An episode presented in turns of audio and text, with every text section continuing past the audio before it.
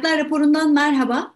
2022 yılı Dünya Özgürlük Raporu Freedom House tarafından yayımlandı. Bugün Haklar raporunda bu raporu inceleyeceğiz. Çünkü raporda 210 ülke ve bölge karşılaştırıldı ve Türkiye 32 puanla özgür olmayan ülkeler kategorisinde yer alıyor. Özgürlük Araştırmaları Derneği Direktörü İsrafil Özkan bizlerle birlikte. İsrafil Bey hoş geldiniz. Merhabalar, hoş bulduk. İsrafil Bey şimdi e, görünen o ki rapora göre özgürlükler konusundaki karnemiz pek parlak değil. Şimdi Freedom House her yıl e, yayın, yayınladığı bu e, e, bu rapor aslında her yıl e, yayınlıyor ve rapor aracılığıyla insanların siyasi haklara ve sivil özgürlüklere erişimi değerlendiriliyor. Şimdi siyasal katılım, seçim süreçleri, ifade özgürlüğü, örgütsel haklar ve hukukun üstünlüğü gibi çeşitli konu başlıkları inceleniyor. Yani bizim aslında çok da böyle e, hani başarı gösterdiğimiz alanlar değil diyebiliriz. Rapora göre Türkiye özgür olmayan ülkeler kategorisinde ve sadece 32 puan alabildi bu yıl. Rapor Türkiye ile ilgili hangi gerçekleri önümüze koyuyor İsrafil Bey? Ee, öncelikle davet için, e, teş e, teşekkür ederim davet için. E, rapordaki 32 puanı şöyle anlatayım ben size. E, Türkiye kendi içinde görebileceği artık e, dibi gördüğümüz anlamına geliyor. E, Özgürlükler İndeksindeki dibi gördük ve iki yıldır aynı yerdeyiz. E, 2016 yılından beri de hızla düşüşteyiz. E, iki yıldır düşmüyoruz.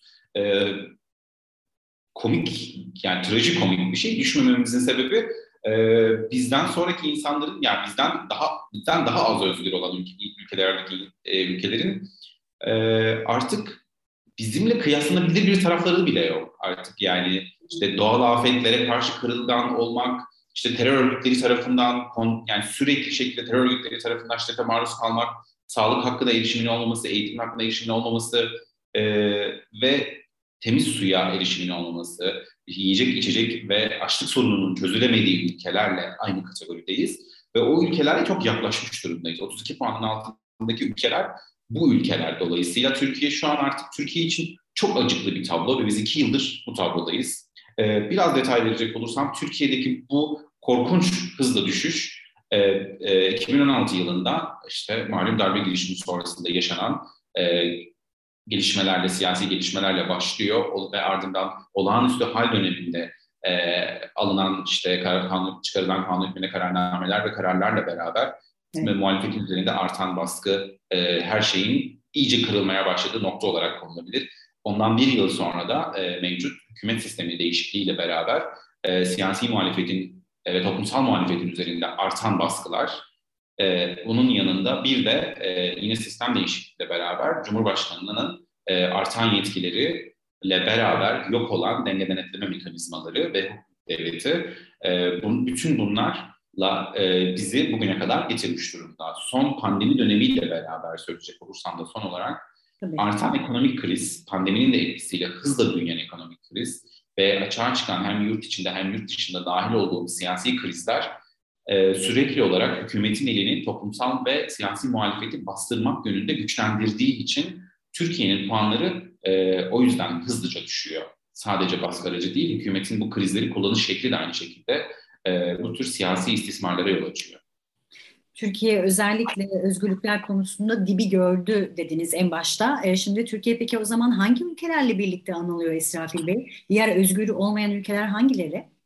Ee, şöyle örnek vereyim. Pakistan, e, Uganda, Mali, Kuveyt, Haiti, Tanzanya gibi ülkeler var e, ne anlama geliyor? Bu ülkelerin adını böyle sayıp geçmeyelim derseniz çok kısa bir şeyden bahsedeyim. Pakistan çok enteresan çünkü benim de dikkatimi çekti rapora bakarken Türkiye yıllarca Pakistan'la olacak diye bir hep böyle karşılaştırma yapılıyordu.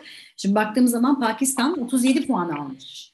Evet, bizden daha özgür. Ve şöyle söyleyeyim size Pakistan'da. Pakistan'da dünyanın en büyük iki terör örgütünden birinin hakimiyetinin olduğunu düşünün. Ee, Pakistan Talibanı ve El-Kaide e, buralarda çalışıyor ve e, bu terör örgütleriyle herhangi bir şekilde bir ters düşmeniz halinde e, binlerce insanın ölümüne sonuçlanabilecek terör örgütü, yani terör saldırıları yapılabiliyor. E, bunun dışında dini gruplara yönelik hiçbir şekilde bir güvencenin olmadığı, o yüzden e, yani yine dini olarak e, bir çatışma falan değil ama daha doğrudan böyle saldırıların yaşandığı ve yine yüzlerce insanın, yüzlerce insanın öldüğü bir şeyden bahsediyoruz.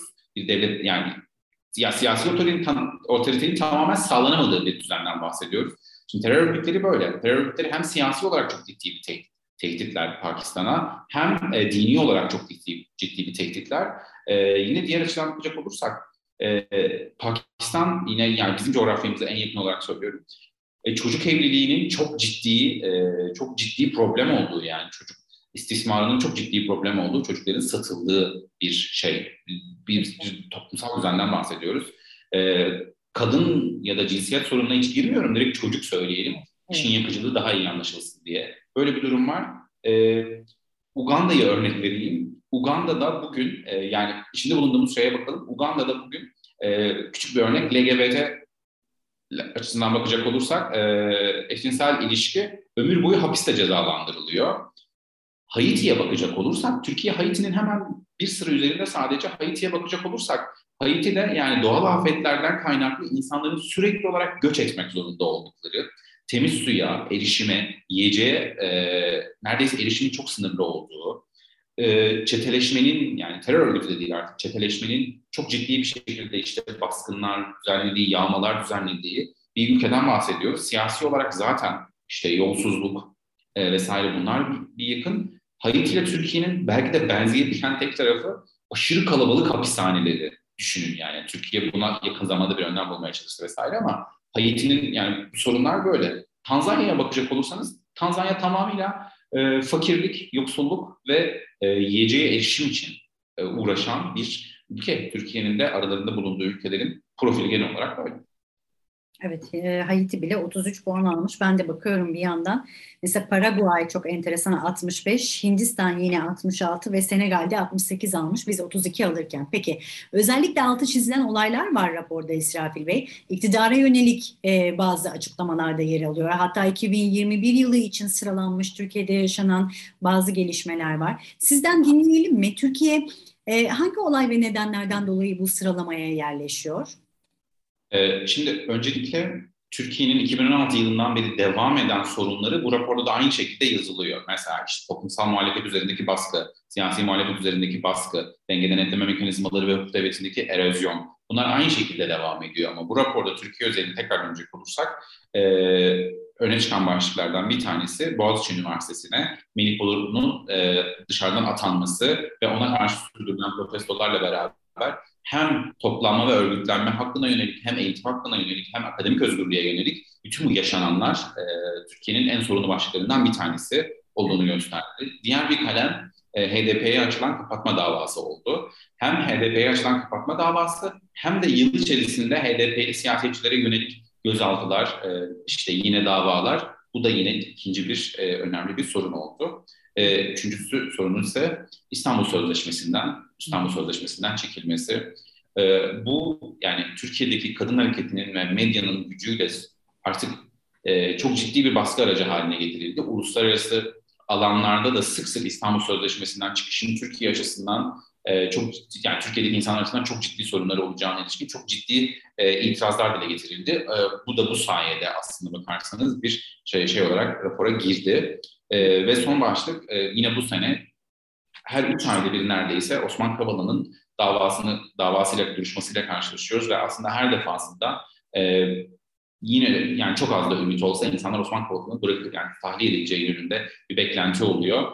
E, bu da yine Osman Kavala'nın tahliyesinin yapılmamış olması, hakkında yani işte e, ahim kararının olmuş olmasına rağmen Osman Kavala'nın tahliye edilmemesi de e, bu sene için Freedom House başlıklarında Türkiye için seçilen en önemli konulardan başında geliyor.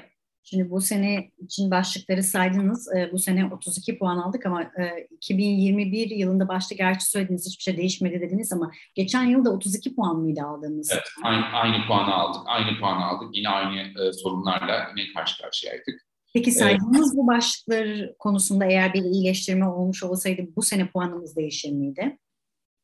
E, yani Türkiye'nin şu an artık bu alanlarda tek tek yapacağı şeylerle bizi özgür yani puanımızı yükselebilir ama kategori olarak yani özgür olmayan ülkelerden kısmen özgür olacak ülkeler kategorisine geçmemiz ise buralarda yapılacak tekil değişiklikler de maalesef mümkün değil. Türkiye'nin e, acilen hukuk devletine geri dönüşü, denge denetleme mekanizmalarının inşası e, ile başlayacak e, çok ciddi bir yapısal reform dönemine ihtiyacı var ki bu sayede bir zamanlar olduğu gibi yeniden özgür ülkeler kategorisine doğru yolculuğumuza başlayalım. Ama tek başına e, tabii ki yine bizim için iyi bir haber olur Osman Kavala'nın e, tahliye edilmesi, İstanbul Sözleşmesi'ne dönülmesi. Bunlar yine yani en azından bizim bu alanlarda dile getirdiğimiz itirazlarımızı daha rahat dile getirebileceğimiz bir siyasi atmosfer, bir toplumsal atmosfer yaratmamıza yardımcı olabilir. E, ama şu tabloda Türkiye'nin artık kısmen öz, yani kısmen özgür olan ülkeler kategorisine çıkması için e, küçük değişikliklerden